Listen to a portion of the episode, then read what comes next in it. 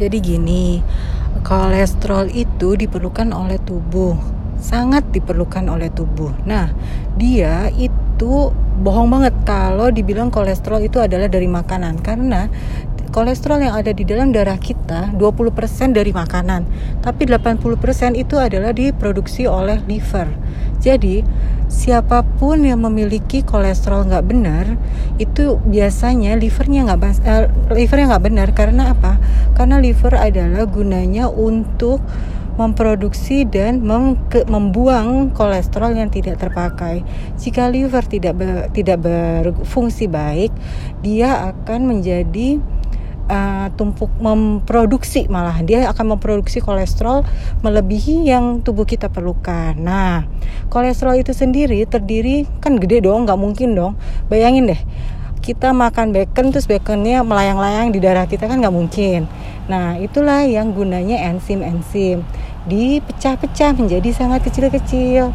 Nah, pada saat kecil-kecil itu ada lima bentukan kecil-kecil itu ya uh, dua yang kita kacamatai adalah LDL dan HDL.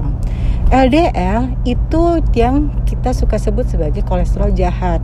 Jadi ingat ya, bukan cuma ada dua dari bentukan uh, kolesterol yang melayang-layang, tapi ada lima. Nah, kita ambil dua aja supaya nggak pusing, yaitu yang tadi adalah HDL dan LDL.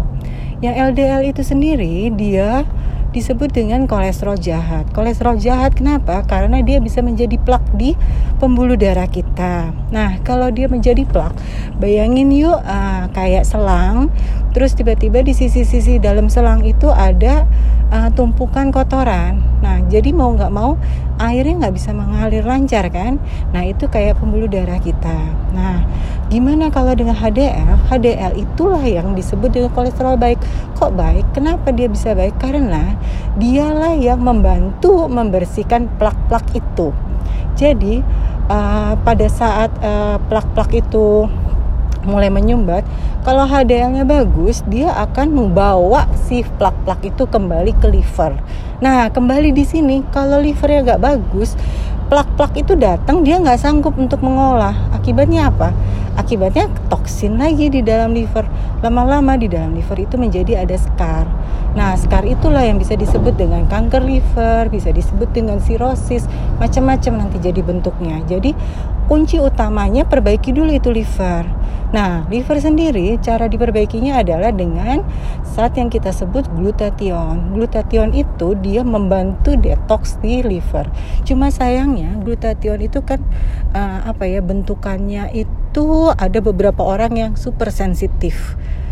Kaget dia badannya udah biasa acak-acakan tiba-tiba dikasih yang bagus malah kaget. Nah untuk prekursornya di awal bisa menggunakan NAC jadi kenapa kadang-kala saya tanya dulu punya mah nggak? Punya uh, apa sesak nafas nggak? Kalau punya itu semua pakai NAC dulu jangan pakai gluta dulu.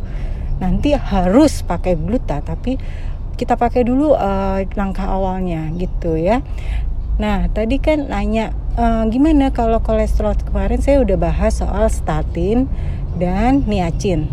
Statin itu sendiri dia menurunkan kadar uh, eh, LDL. Tapi uh, kalau uh, niacin dia yang meninggikan kadar HDL. Jadi beda fungsinya dan dua-dua itu tidak boleh digabung. Jadi pilih salah satu. Kira-kira saya makan berlemak nggak nih? Kalau makan berlemak, waduh berarti uh, kemungkinan bakal ada penyumbatan. Ya sudah ambillah niacin. Kalau kira-kira misalnya saya udah ada diabetes dan segala macam, kalau gitu ngambillah uh, statin seperti itu. Jadi masing masing-masing lihat dulu diri sendiri ada apa dalam tubuhnya ya. Oke. Okay.